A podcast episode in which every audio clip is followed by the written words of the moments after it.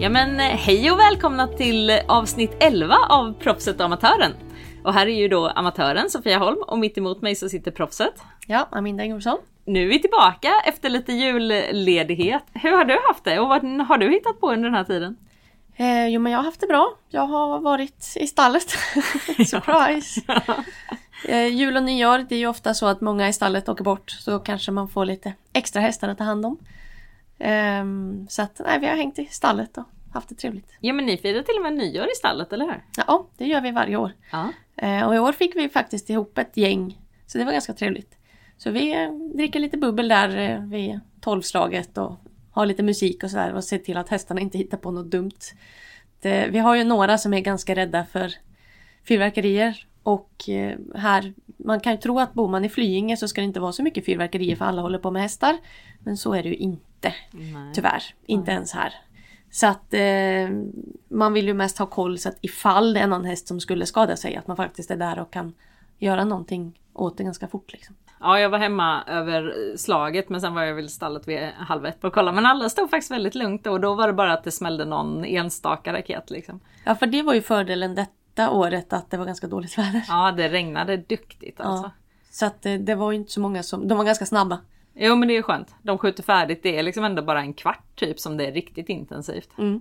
Ja, det var faktiskt väldigt bra. Men det var några som typ vid fem över tolv, någon som var ganska nära som sköt upp något som hästarna höll på att försöka hoppa ut genom boxarna. Liksom. Över, då är det ändå höga galler liksom. Men eh, det var som tur var inte så länge. Ja, hur har det sett ut på hästfronten då? På tränings och tävlingsbiten? Jo, men eh, alla hästar är igång som ska vara igång. Och eh, vi har börjat jobbat nu ett tag med uteritter, lite roadwork, skritt och trav på lite hårdare underlag. Börjat trava lite backar där det finns backar. Nu är ju Flying också väldigt platt. Men vi har en backe som man kan börja lite konditionsarbetet med som inte är så brant. Så där brukar de få trava upp några gånger innan man börjar på riktigt. Liksom. Eh, nej, och nu har vi också kommit igång med dressyr och hoppning. Eh, lite träning där. Nej, men det känns som att det, det är på gång. Hästarna känns fina och fräscha. Peppar peppar. Ja, kul. Mm. Och eh, slipsen har ju fått börja hoppa nu första gångerna efter sin eh, skada förra året. Alltså, han såg ju fantastisk ut. Ja, han tyckte det var väldigt roligt att få komma och hoppa igen. Och nu hoppade vi ju lite så här, ja, någon snedlinje och lite smalhinder och så i veckan. Och eh, han tyckte det var jättekul, verkligen. Han sa, nu är det dags. Ja, han, han såg väldigt spetsade öron kan man säga.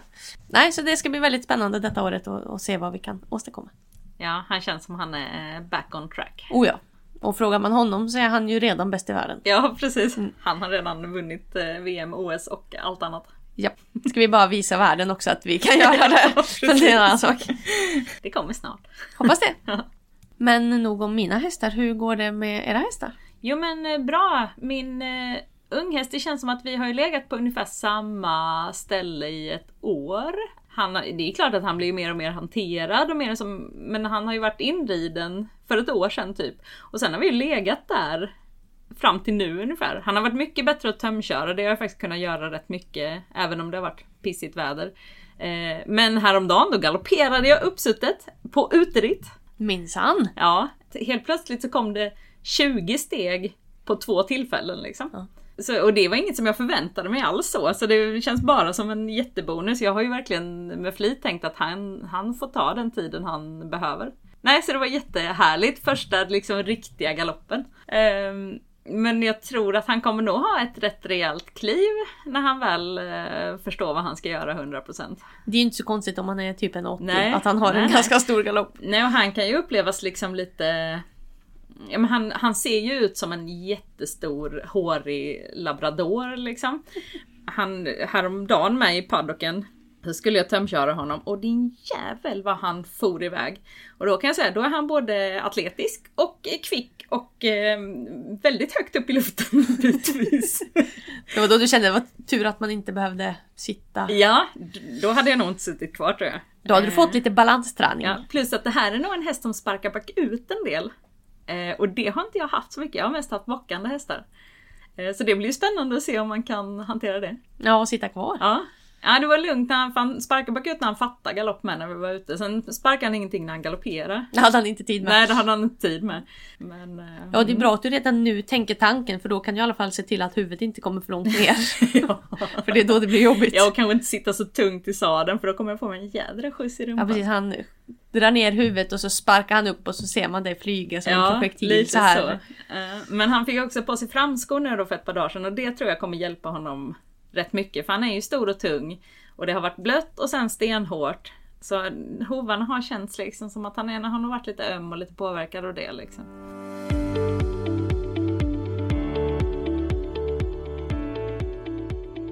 Ja, alltså jag tycker den här vintern har varit rätt tuff. Alltså först regnade det ju konstant. Liksom fram tills det typ frös och sen var det isgata och sen regnade det och sen var det isgata och så har det typ hållit på så för oss. Mm, och nu kommer det bli simbassäng här nästa vecka. Ja, det blir härligt. Och så kommer det också vara så här, det kommer frysa lite på nätterna. Mm. Så att, eh, mm, jag, jag tycker det har varit lite kämpigt. Det här är faktiskt första vintern när jag känner att jag är lite ledsen att jag inte har ett ridhus där jag står. Ja. ja, för det blir ju... Nu har jag försökt rida ut så mycket. Mm. Eh, men har, nu är det lite svårt. Idag är det ju riktig isgata. Mm. Annars brukar det vara om man ska trava ut och ha broddat så brukar det gå ganska bra. Mm. Men nu om du rider på en grusväg så är den ofta högre på mitten. Och då känns det ju lite som att man glider ner i diket. Ja precis. De glider framåt långsamt åt sidan. Mm. Ridhuset som vi kan rida i med det är ju väldigt mycket upptaget. Ehm, Ja, det har varit tuff, tuff och svår vinter. Jag känner också, det ridhuset jag rider i är ju inte mitt eget utan jag hyr ju in mig där. Och då är det också så att ja, men plötsligt är det bokat hela helgen. Ja. Jaha, det är bara att rida ut i snöstormen då.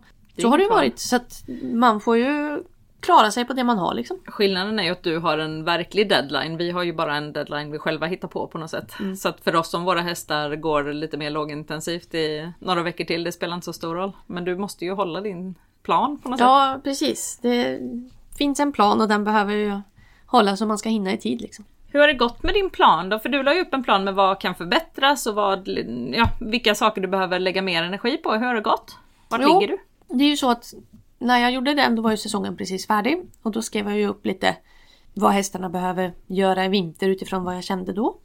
Eh, sen vilar de ju sex veckor ungefär var och sen får de komma igång lite försiktigt här med roadworken ut på vägar och uteritter liksom.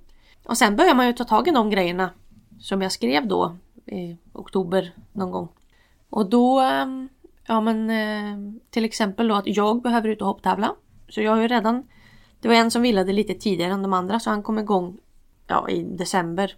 Var vi ute och hopptävlade lite grann. Eh, så jag har ändå kommit igång ganska bra på det. Men det är ju lite nu börjar man ju planera för tävlingssäsongen. Och då kan man också börja räkna lite baklänges till när behöver de komma igång med konditionsarbetet? När behöver de vara klara med sitt dressyrprogram? När behöver de ha tävlat en viss höjd på hoppbanan? Och så försöker man ja, räkna baklänges och sen inser man att oh, det är snart. Ja, precis. Det var helst igår. Ja. Eh, Så nu har jag faktiskt börjat konditionsarbeta dem lite. Jag var, de två bästa hästarna var på Jägersro häromdagen när det var isigt. Eh, Så fick vi åka dit. Jag har ju en kompis som jobbar där så det är ganska smidigt. Så jag mötte upp honom där efter jobbet och så rider vi en sväng. Ja, när börjar de två bästa gå sina större tävlingar? Liksom? Eh, Jag har inte riktigt bestämt mig än. Antingen så börjar de i början av mars, första helgen i mars i Italien. Eller så åker jag sista helgen i mars i Tyskland. Så det är mars i alla fall. Ja. ja, då är det inte jättelång tid kvar faktiskt. Nej, tiden går ju fort. Eh, så att det gäller ju att ligga på. Det är inte den sista helgen i mars, det är näst Ja, för då- sista helgen i mars jag. Då ska de helst ha hopptävlat lite innan det och gått någon dressyr också kanske. Ja, och det är ju som de två då bästa hoppas jag ju på till OS, en av dem. Och nu sitter jag ju och tränar på OS-programmet. Sen behöver jag ju hinna liksom lära in de programmen de ska tävla innan också. Så att jag sen Sen när jag har tävlat dem, då kan jag gå tillbaka och rida OS-programmet men då kan jag redan det och vet lite hur jag ska göra. Ah, ja, för det är rätt kort. Ni har egentligen rätt kort från sista uttagningsdagen tills det faktiskt är OS, eller hur? Ja, det är typ en månad. Ja, det är inte så jättelång tid. Men det är ju så, mina, min planering är ju så att det är inte jättetajt där på slutet. Så att då kan man ju också varva in lite och rida till exempel OS-programmet. Ehm, Men nära inpå så vill man ju träna på det programmet man ska tävla ju. För det är ju det programmet som också gör att om man får ett bra resultat att man blir uttagen. Ja, ja. Ja, just det. Så att man behöver ju också prestera i ett annat program. Ja. Så att det, är lite, det kräver lite planering. Ja. Eh, och sen får man ju också se till att man liksom har koll på vaccinationer, att man inte behöver göra det, att man inte missar det utan att man gör det till exempel en måndag efter tävling. Så att när de ändå ska ta det lugnt. Eh, och också planera lite för sin skoning, att man har bra skoperioder i god tid liksom, så att man inte är där och så behöver hästen skos en vecka efter OS utan man planerar det är bra om den Ja, skor en vecka vara- innan OS. Liksom. Mm, den är Inte för, nära in, ja, inte för nära in på heller. Nej. Men lagom. Ja. Ingen sömnstick där inte. Nej, det peppar peppar. Vad är bäst då? Typ två veckor in i perioden? Jag skulle säga en vecka innan du åker kanske. Ja. Precis. För skulle det vara något då så hinner det lösa sig liksom. Mm. Mm. Det är jobbigt om du åker och sen upptäcker du det när du är på väg. Liksom, att Ja. hästen har blivit halt. Då måste du... Ja, herregud. Det är bättre att man har sin egen hovslagare då. Liksom. Ja. Eh, nu har peppar peppar mina hovslagare inte gjort något sånt på mina hästar. Nej. Än. Nej. Men eh, man vet ju aldrig liksom. Man får ju planera för det. Mm. Ehm, och sen också tävlar man internationellt så har man ju FI-pass. Kolla att de inte går ut. Ens eget pass om man ska åka utomlands. Det är också en sån här grej man inte tänker på. Ehm, och andra papper, man måste ju ha massa tillstånd och grejer. Att de också inte behöver förnyas. Utan att man gör det i, i god tid. Det är väldigt mycket grejer man måste ha koll på för att åka utomlands med sin häst. Mycket pappersarbete. Mm. Mycket regler. regler. Ja, det får vi ta ett eget avsnitt för tror jag. Ja. Och också det här besiktiga bilen. Mm. Det är ju en sån grej som jag ska komma ihåg nu att jag ska göra ja. inom en månad. Och eventuellt släp. Ja, precis. Eller B-kort eller vad man nu har. Mm. Så att eh, nej, det är mycket som behöver planeras. Så Ja. att eh, om vi lite går in på detalj på träningsplaneringen så har jag ju nu ja men Först går de ju en trestjärnig, sen går de ju en fyrstjärnig om eh, plan A nu då. Mm. Och sen har de ju en lång fyrstjärnig sen. Och lite den, då måste de ha bra kondition. En kort fyrstjärnig är ju inte riktigt lika jobbig så där kan det vara lite mindre jobb gjort. Så att jag planerar ju lite utifrån de två tävlingarna och räknar baklänges. Jag brukar vilja ha kanske 12 veckor på mig. 10-12 någonting. Det är ju, jag försöker. Det är från nu då ungefär. Ja, det är ju nästan från nu. Man försöker ju konditionsträna typ var fjärde dag. Och sen kommer det då en dressyrträning eller en hoppträning och då får det kanske bli var femte eller Ja, någonting. och vad innebär då ett sånt konditionspass? Konkret? Nu i början så har det kanske varit då Ja men nu var vi på Jägersro häromdagen. Då red vi Då har de en slinga där som är lite kuperad. Då red vi ett varv i trav och ett i lite lugn galopp. Det var första. Mm. Nästa gång kanske vi tar ett varv i trav Två i galopp varav det sista kanske är lite snabbare. Fortfarande inte i närheten av tävlingstempo. Och sen får man liksom lägga på då ett varv eller öka tempot. Eh, man kan göra varannan gång. Att man Först ökar man tempot, sen nästa gång lägger man på ett varv i lite lägre tempo och sen lägger man på tempo nästa gång och sen lägger man på ett varv nästa gång och så fortsätter man så. Så att man inte ökar både och. Men var fjärde, var femte dag ungefär då? Ja, under en period. Och det är bra om de kanske tio gånger. Och det är därför 12 veckor. Eh, då blir det typ en gång i veckan. Mm. För det blir lätt så. Ja men och så händer det något och så är det någon vecka man inte kan åka. Någon dag. Det är en tävling. Då får man skjuta på det. Det är inte alltid så lätt att man säger oh vi tar en fjärde dag. Men det här är som du tänker med de liksom, internationella hästarna. Så Ja. tänker du inte med de som går kanske enstjärnigt, tvåstjärnigt eller? Nej, de gör jag lite mindre med. De som går H90, de, det räcker med att de konditionstränar på terrängbanan på en träning. Liksom. Och då är också tävling är också ett konditionspass. Ja, just det. Så det får man ju också räkna in. Ja, men som till den där långa fyrstjärniga, då har de kanske gått en kort trestjärnig och en kort fyrstjärnig. Det är också konditionspass. Kanske hårdare än de man har gjort hemma till och med. Men det är bra. Sen när de går H100 så är det bra om de kanske har galopperat någon gång eller två. Det beror lite på vilken grundkondition de har. Kondition är ju inte bara springa fort utan det är ju mycket att orka göra allt på en dag till exempel. Ja, att alla scener och leder och allting ska hålla för... Ja, alltså och också det här att perfekt underlag är jättebra men rid inte bara på perfekt För underlag. det kommer det inte vara på tävling. Nej, Och de ska ju vara vana vid att kunna gå på lite sämre underlag också. För det ingår ju lite i, de ska ju vara förberedda för allt. Men då kan man ju, ju sämre underlag ju långsammare tempo för att minska skaderisken. Jag tänker att det är många hoppryttare som hade blivit chockade om de hade kommit ut på framhoppning till terränghoppningen eller till terrängen. För där kan det ju vara att det är gropigt och det är si och det, alltså man har ju ingen aning om hur det ser ut liksom. Det är lite varierande kan man säga. Mm. Och det kan vara, oftast är det väl på gräs, men det kan också vara så att det är ifyllt med sand och sen så är det något håla och sen så är det för där har det stått ett gammalt fast hinder och liksom. Eller? Ja, det, det är lite varierat Ja. faktiskt. Så att ja. Men det, hur tränar man det? För jag tänker du står ju ändå på en anläggning där det är mycket preppat. Det är preppade vägar och det är liksom preppade ridhus och ja. Ja, just nu är det ju, går de ju i hagen och det är ju knöggligt Mm. som tusan. Det förbereder de ju också på att gå på lite sämre underlag. Eh, jag har möjlighet att rida i två olika ridhus. Eh, ett med fiber och ett med så här eh, flis-grus-blandning. Eh, jag har grusvägar, jag har asfalt, jag har gräs. Eh, om jag ska åka iväg och klättra så är det lite olika. Det finns en gräsbacke. Det finns grusvägar av varierande hårdhet beroende på vilken, hur vädret är. Eh, jag har lite, om vi kallar det en grusväg fast jag skulle nog inte köra på den. Som är lite ojämnare, där kanske man skrittar mest. Men den är lite brant liksom. Att man passar på, ja rida ut i skogen. Att hästarna får lära sig lite och hålla koll på sina fötter. Så har man det inte hemma så får man passa på när man är borta liksom. ja. Men återigen, tempot, underlaget får bestämma tempot. Liksom. Eh, Och att man också vänjer in dem vid de olika. Jag har ju, Flyinges galoppbana till exempel är ju väldigt djup när den är torr. Då börjar man ju inte med att galoppera snabbt på den. Liksom, utan Nej, då får man börja man kanske skritta ett halvt varv och sen rider man hem igen. Och så får man vänja dem. Det är ju det, man ska ju vänja dem vid allt så att de är beredda att gå på allt. Eh, tillbaka till konditionsarbetet här då så det är ju bra om de orkar galoppera den tiden du kommer rida i terrängen. Så tar du en tvåstjärnig så är man kanske ute i fem och en halv minut. Det är bra om de orkar galoppera fem och en halv minut hemma.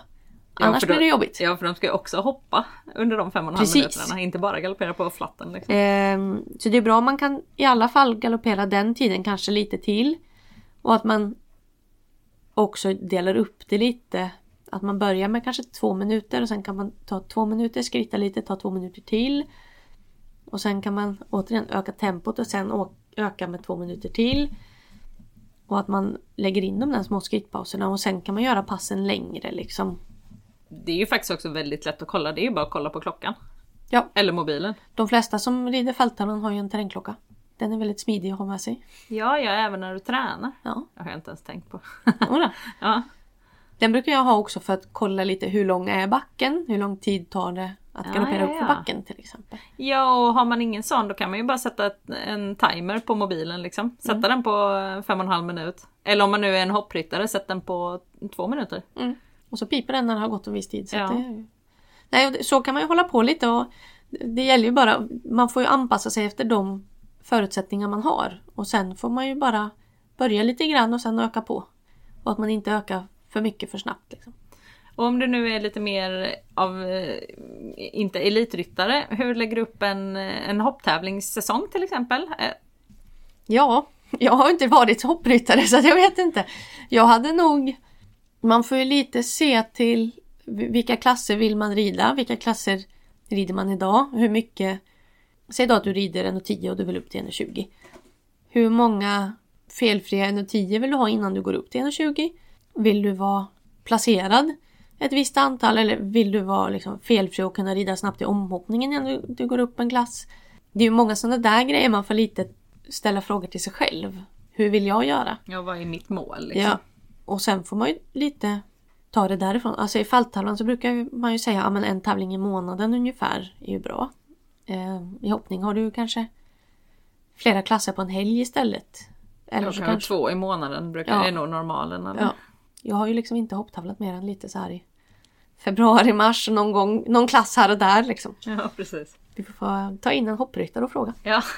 Ja, och sen då när man har gjort sin eh, tävlingsplanering så kan man ju också sätta sig och göra en budget för sina tävlingar och träningar och så. För vi vill ju gärna träna så mycket som möjligt. Vi vill gärna tävla det vi har skrivit på pappret. Och det kostar. Det kostar. Så att där får man ju också göra en plan så att man vet att man faktiskt kan träna så mycket som man vill. Um, kanske får man välja bort någon tävling för att kunna träna mera. Jag väljer ju hellre bort tävling än träning. För om jag tävlar så vill jag göra det så bra jag bara kan. Och då behöver jag ju träna för att kunna göra det. Ja men precis och nu i januari är det ju rätt så tufft för det är mycket som Många utgifter som ska fram. Man ska kanske ha ny medlemskap, man ska ha eh, tävlingslicens, man ska ha hästponnylicens, man ska ha ridhuskort eventuellt. Mm. Vad är det mer? Det är väldigt många saker som kommer på en gång liksom. Ja, det, januari är inte alltid så kul och så kanske man använder lite extra mycket pengar i december för att köpa julklappar och sånt. Ja, ja.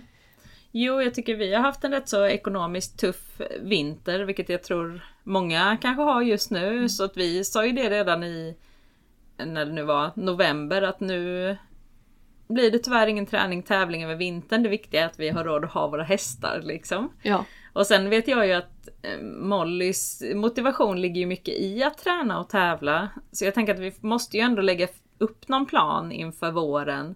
Men då kanske det inte blir så många tävlingar. Det kanske blir max en hopptävling per månad och börja i eh, mars liksom. Och så att man då får försöka träna det man kan. Men det är ju, det är ju mycket pengar som ska ut liksom. Ja och tävlingar blir också hela tiden dyrare. Mm. Träningar också bli dyrare för alla behöver ju mera pengar. Ja, är man dessutom, som jag, inte den mest välplanerade personen så är det ibland så att man råkar anmäla lite för sent och så får man betala en eh, efteranmälningsavgift och så. Men det kan man ju säkert underlätta lite om man planerar lite bättre. Ja, det är klart.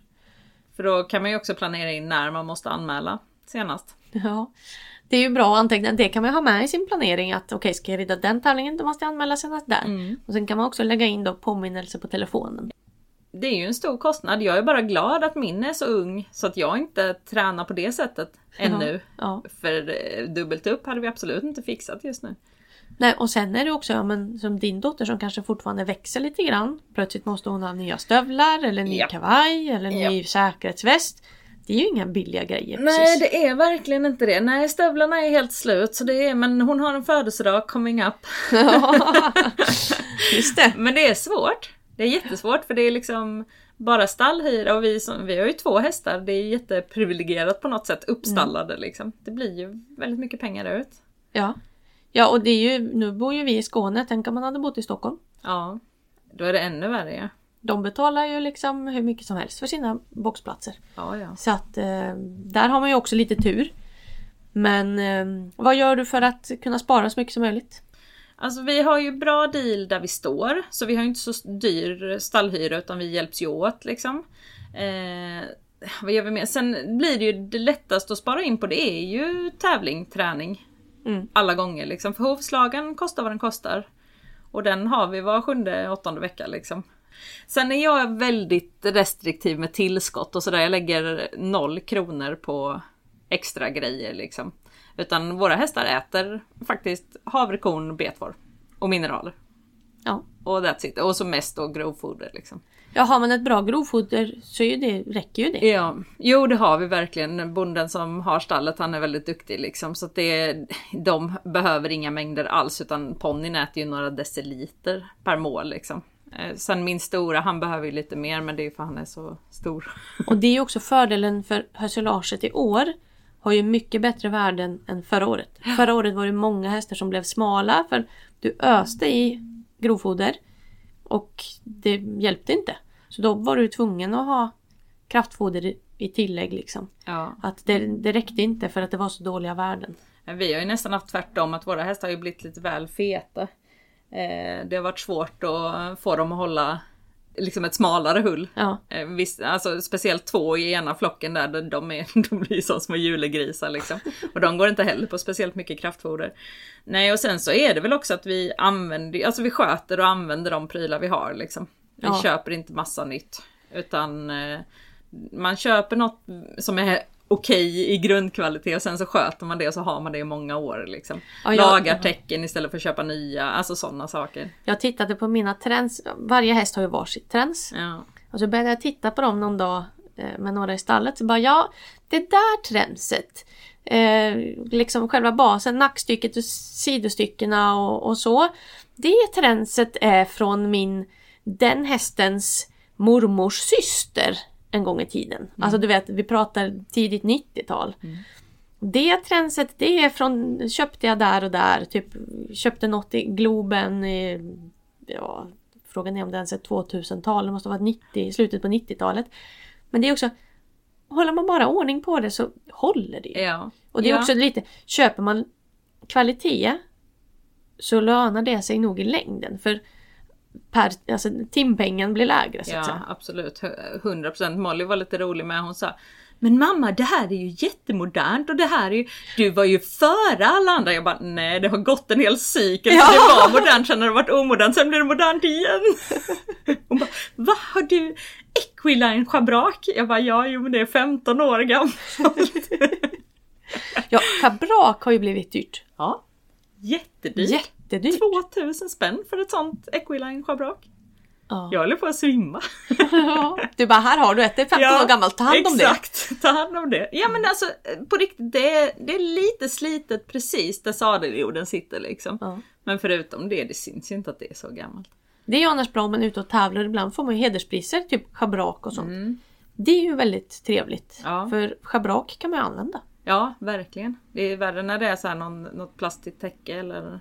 Ja för förra året, jag tror jag vann, på ett ställe så vann jag, jag blev placerad med två hästar och fick två sådana här Get the Gallop schabrak. Mm. Och sen var jag placerad på ett annat ställe där jag också fick något schabrak. Så att i alla fall tre schabrak lyckades jag Mm. kassa in förra året. Och det är ju jättebra för då kan man ta något av det som är mest slitet och slänga istället. Ja, ja. Nej men så det, jag menar sen vet jag inte vad det finns mer att spara in på men Alltså för jag menar prylar kan man ju köpa till döddagar liksom. Man kan ju också köpa begagnat. Ja, absolut. Det är ju väldigt trevligt för på våran eh, klubb Där finns det ju lite så här begagnat hörna som Det är liksom folk som skänker sina grejer och så ligger de där och så kan man liksom betala vad man tycker att det är värt själv. Det finns ett swishnummer liksom. Och där finns ju allt möjligt. Det finns någon sadel, det finns eh, schabrak, jordar. Och där är ju någon, åh jag har glömt min sadeljord. Ja men gå in och titta där. Ja, låna liksom. Och låna. Men då var det så att, ah, det kan vara bra att ha en extra, vi köper den. Ja. Alltså jättebra. Och det Ja. finns kläder och det finns grejer och det finns tecken och det finns allt möjligt. Ja, jag gör alltid det men jag gillar de här Race Safe västarna till barnen och det har jag gjort nu. Det jag tror vi är inne på tredje jag har köpt via Blocket liksom. Ja. Eller Hästnet, vet inte, något av dem. Eh, alltså för då kanske man får betala en tusenlapp istället för två och tre liksom. Ja. Och så varje gång jag köper en ny då säljer jag ju den gamla så blir det ju en, ett nollsummespel liksom. Det är ju jättesmart. Ja, ja. Och likadant kavajer och sånt. Jag liksom köpte en jättefin märkeskavaj för äh, tiondel av priset liksom. Ja. Till Molly. Ja, det är ju bra med de som växer fortfarande för där finns det ju ganska mycket som byts ut. Det är ju, behöver inte vara slitet överhuvudtaget. Nej, det jag kan tycka är svårare som till mig som har lite större storlek, att det kan vara lite svårt att hitta begagnat. Ja. Att det inte alltid det finns så mycket liksom, det är inte samma urval. Det är bättre när man har eh, liksom medium. ja. Och det är klart det kanske är fler där. ja, men barngrejer, nej nej absolut. Mm. Vad Men det- tänker du på med ekonomin liksom? Alltså jag har ju fördelen då att jag tävlar ganska högt så att jag försöker tigga till mig så mycket grejer som möjligt. Det som ju är svårt är ju, alltså man får ju inte pengar. Det är jättesvårt att få pengar. Så då får man ju försöka liksom, ja men eh, jag kan rida med det här schabraket om jag får det här schabraket. Och att man försöker liksom få tag på grejer som man faktiskt behöver. Så att alla de sponsorer och samarbetspartners jag har är ju saker jag använder eller behöver som jag då slipper köpa. Ja precis, du hade behövt lägga pengar på det om du inte hade Ja. samarbetat med de personerna. Liksom. Eh, eller rabatt på grejer som jag ändå måste köpa. Ja. Alltså så, så försöker ju jag göra och det är ju fördelen när man ändå har kommit så pass långt. Ehm, innan så har det ju varit så, alltså som sagt jag har ju trends från 90-talet. Det är inte så att jag har gått ut och köpt speciellt mycket grejer. Eh, jag har ju alltid varit väldigt sparsam. Och sen samma sak, alltså ja men jag har samma sadel på alla hästar. Man får ha lite olika paddar och sånt. Och så får man ju se till att det är en sadel som funkar på alla hästar. ja. Men eh, hästarna är ganska olika men det, det funkar ganska bra. Det är ändå bra. Vi, jag vet när vi var yngre med, då, när vi gick på gymnasiet till exempel här nere, då brukade vi ju liksom... Jag gjorde deal med den som hade stallet och att då mockade jag hans fem boxar alla vardagar och så fick jag halva priset på stallhyran liksom. Så tjänade jag in det på sommaren. Eh, på sommarjobb liksom. För Ja. att kunna ha häst. Att hjälpa till. Många människor är ju villiga att betala en liten summa för att man ska hjälpa dem. Ja men till exempel i stallet, är det någon som ska åka bort? Ja men jag kan mocka åt din häst när du är borta om jag får liten fickpeng för det. Där kan man ju snabbt tjäna ihop till en träning. Eh, och det är ju väldigt, alltså det finns ju ganska mycket såna här små grejer som man kan göra. Som inte är så farligt jobbiga för du ska ändå till stallet och mocka till din egen. Då är det inte så mycket jobbigare att mocka till en till. Nej, det finns nog många sätt. Mm. Men, eh, men den största är ju att strypa utgifterna känner jag. Ja. För det är ju inte alltid heller man kan påverka sin inkomst liksom. Nej, precis. Och nu är det ju sämre tider. Det är som jag som då till exempel lever mycket på att ha träningar. Det är inte lika många som Nej. tränar i december. För då är det jul. Det är liksom för, innan jul och under jul. Det är inte lika många. Så är det bara. Och nu januari, det har varit lite kallt, det har varit lite snö. Många som har ställt in. Det är klart att det gör skillnad. Mm, det är ju nästan, det är ju synd. För det är ju verkligen det som du säger, det är det man egentligen behöver. Ja. Nej, så att det, det blir ju lättare. Jag har ju lättare för att tjäna pengar när man börjar terrängträna till exempel. Då är det ju fler som vill komma. Ja precis, för det måste de också göra på något sätt. Mm. För att kunna ta sig ut. Ja, Det andra kan man ju träna hemma på ett helt annat sätt liksom. Ja, Nu snöar det igen. ja det, snö, det skulle snöa här på eftermiddagen och sen ska det regna imorgon. Ja, gud vad mysigt. Jo, och det är ju också så att det är inte så många som är motiverade så här års till att komma igång. Utan ja, men hästen kanske vilar december, januari. Det är inte lika kul att rida nu. Nej. Nej och som jag sa, har man då inte som du har väldigt tydliga mål där du måste vara färdig. Ja som sagt, om min häst går på halvfart, eh, vem bryr sig liksom? Nej, det är ju roligare att rida sen när det är soligt och varmt. Ja ja. Så Och att- lättare. Ja, precis för då kan man rida ut. Ja. Det kan man ju inte nu. Eller kan, men du kan skritta ut men du kan inte göra så mycket mer.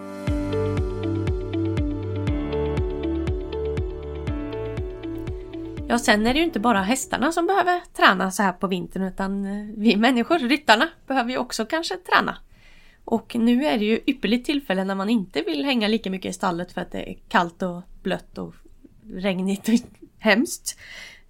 Um, så då kan man ju gå till gymmet till exempel om man nu gillar att vara inomhus istället. Tränar du någonting utanför? Alltså joggning, men jag är ju ingen gymperson. Jo, utegym tycker jag är kul. Men jag gillar inte att vara inne i en gym gymsal, jag känner mig jätteinstängd. Men eh, Och då är det inte lika kul att träna så här års. nej. Det blir eh, tufft. Efter vi hade varit sjuka innan jul så eh, tappade jag ju det lite måste jag säga. Ja. Annars var jag på väg upp mot milen men det är jag inte längre. Ja, Jag gillar ju inte att springa, alltså det kan vara trevligt att springa också. Men jag tränar hellre inomhus på gymmet. Jag tycker det är ganska roligt att gå och liksom lyfta vikter och göra sådana Ja men har inte du också ett bra gäng att göra det med? Ja, vi är faktiskt tre stycken som brukar gå tillsammans. Och det är bra att vara tre, för då är det ofta, Man även om, ja, om en inte kan så är det ofta en annan som kan. Och då tar man sig dit liksom. Ehm, och som ryttare då så behöver man ju ha bra balans. Det är ju en fördel. Och man kan ju googla balansträning, balansövningar och kolla typ Google, Youtube och se olika övningar, vad man tycker är svårt och vad man tycker är enkelt. Ehm, man har ju ofta ett bra ben och ett sämre ben. Jag har mycket bättre balans på mitt vänstra ben till exempel. Har du någon bra, eh, vad är din favoritövning? Alltså jag tycker det är ganska roligt. Jag har en övning nu där jag står på ett ben och blundar. Det är inte helt så lätt. enkelt liksom. Eller Ja, så enkelt, men så simpelt. svårt. Ja. Eh, 30 sekunder på varje ben. Okej. Och om du tappar balansen så får du liksom pausa räknandet och så får du fortsätta sen. Så i början tar ju de där 30 sekunderna ganska lång tid. Mhm. Men nu börjar det bli bättre. Ja. Och tycker man att det börjar bli enkelt så kan man göra någon pulshöjande övning innan och sen ställa sig. ja, ja. För då är det inte så lätt. Då är det inte så lätt. Nej. Så det är en bra början till exempel. mm. Mest också för att känna olika skillnader på benen och sånt. Eh, och då kommer vi till det här med liksidighet. En, ju mer liksidor du är ju enklare kommer det bli för dig. Eh, de flesta av oss gillar att skriva med höger, några med vänster. Redan där har vi en olikhet. Att den ena handen har ju mycket bättre finmotorik än den andra. det är ju inte så många som kan skriva lika bra med höger som med vänster. Det är ett fåtal. Det är tur för dem kanske. Därför är det också bra om man kan göra saker individuellt med armarna. Alltså istället för att använda en maskin Ah. där saker hänger ihop så kan det vara bra att ha hantlar till exempel för då får du även det här. Jag säger då att du har ligger på rygg och har en hantel i varje hand och så bara lyfter du rakt upp. Och så känner du det vinglar på vägen upp och det vinglar på vägen ner. Och efter ett tag så känner du att ja, men jag kan nog ta en till med höger men inte med vänster. Till exempel. Ja, och har du då en maskin med en stång, då är det den som tar balansen på något Ja, sätt. så du tränar ju mycket mer. Ju mer du vinglar ju mer tränar du egentligen. Eh, Och det är samma sak om man tänker på hästen. Har du en häst som bockar och far omkring och du kanske håller på att trilla av flera gånger. Då tränar du ju din balans mycket mer än om du har en snäll häst och du bara sitter på mitten. Ja, visst. Så att ju mer du håller på att trilla av ju mer tränar du faktiskt din balans. Ja, du får skaffa en, en lagom busig häst. Ja, tillräckligt. och sen det här med styrketräning också, det här att bålstyrka är väldigt viktigt. Det hänger också lite ihop med balansen. Har du bra bålstyrka så orkar du hålla balansen mycket bättre. Och att man tränar både fram och baksida. Det är ju någonting som verkligen har sabbats för mig med tre barn alltså. Min bollstyrka är ju katastrof. Jag tar allt med ryggmusklerna liksom.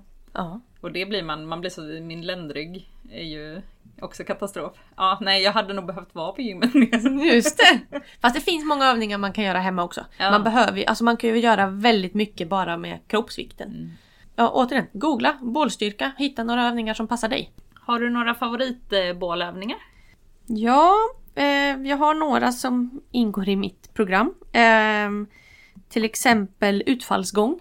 Alltså du vet, man, tar ett ut, man står och så tar man ett steg fram och så Ja. sjunker man ner så att knät typ nuddar marken. Men så fortsätter du gå framåt. Och så kan du ta kanske 10 steg så, och så vänder du och så går du tillbaka 10 steg. Okej, det är bålstyrka alltså.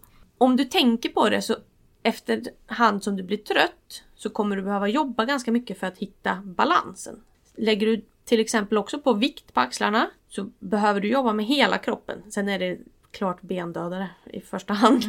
Men där får du jobba balans, lite bålstyrka, ganska mycket benstyrka.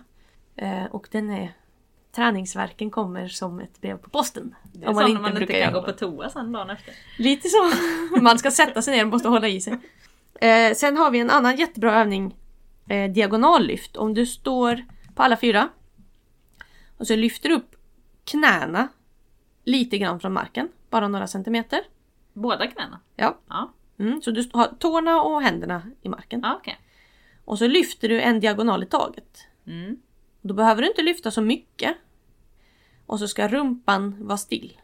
Men- Höfterna får inte röra sig. Okej, men det är fortfarande bara tår och hand i mark? Ja. Och så lyfta diagonalt? ja. Huh. Den är bra. Ja. Och där får man göra så många man orkar liksom. Så Mm. den kan ni hem och prova. Ja.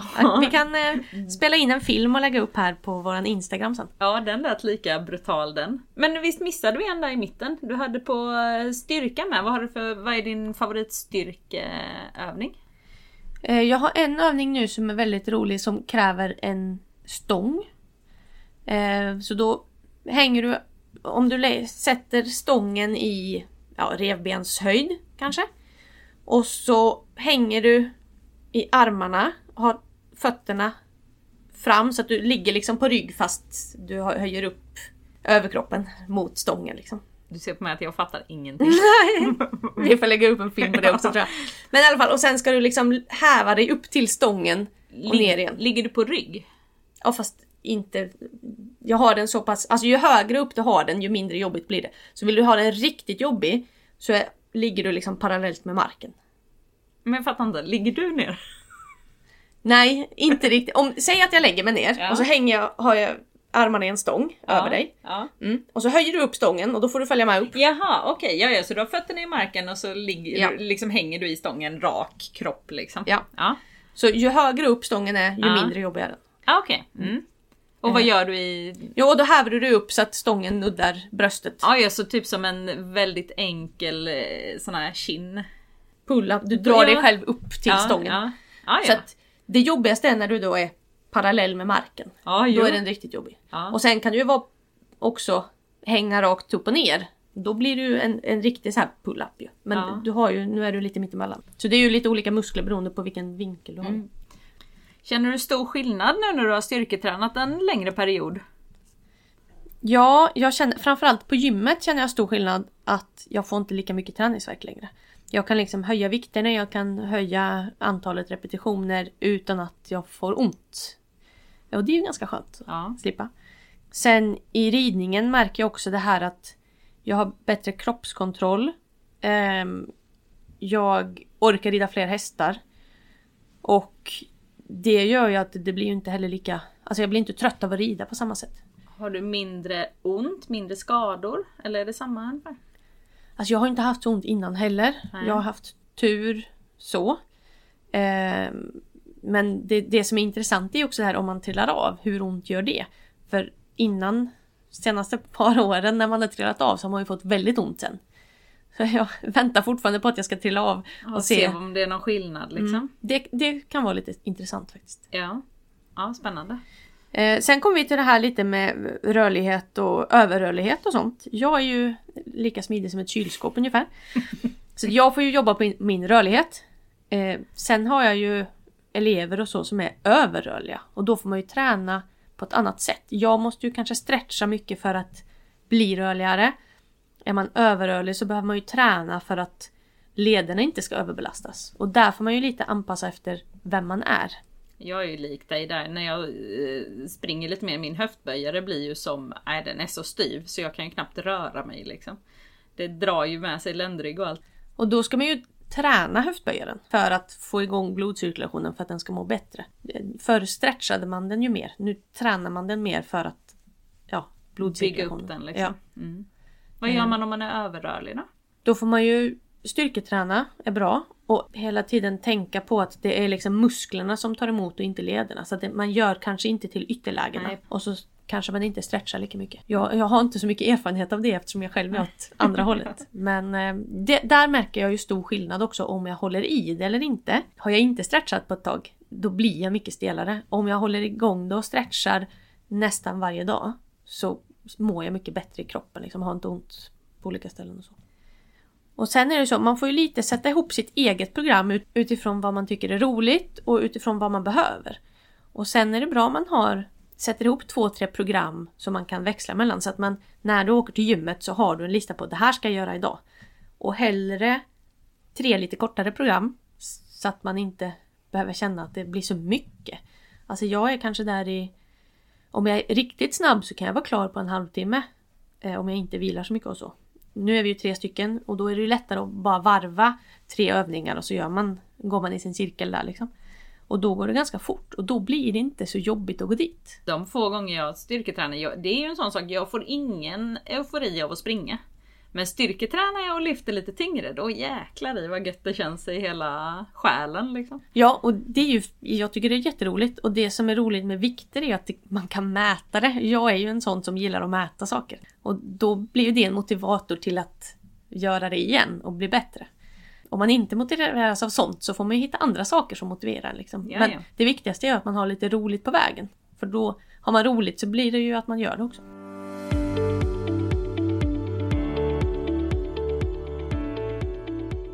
Nej men hörni, träna på väl där ute i regn och rusk. Ja, så eh, hörs vi nästa vecka. Ja, ha det så bra så länge. Hej då! Hej då!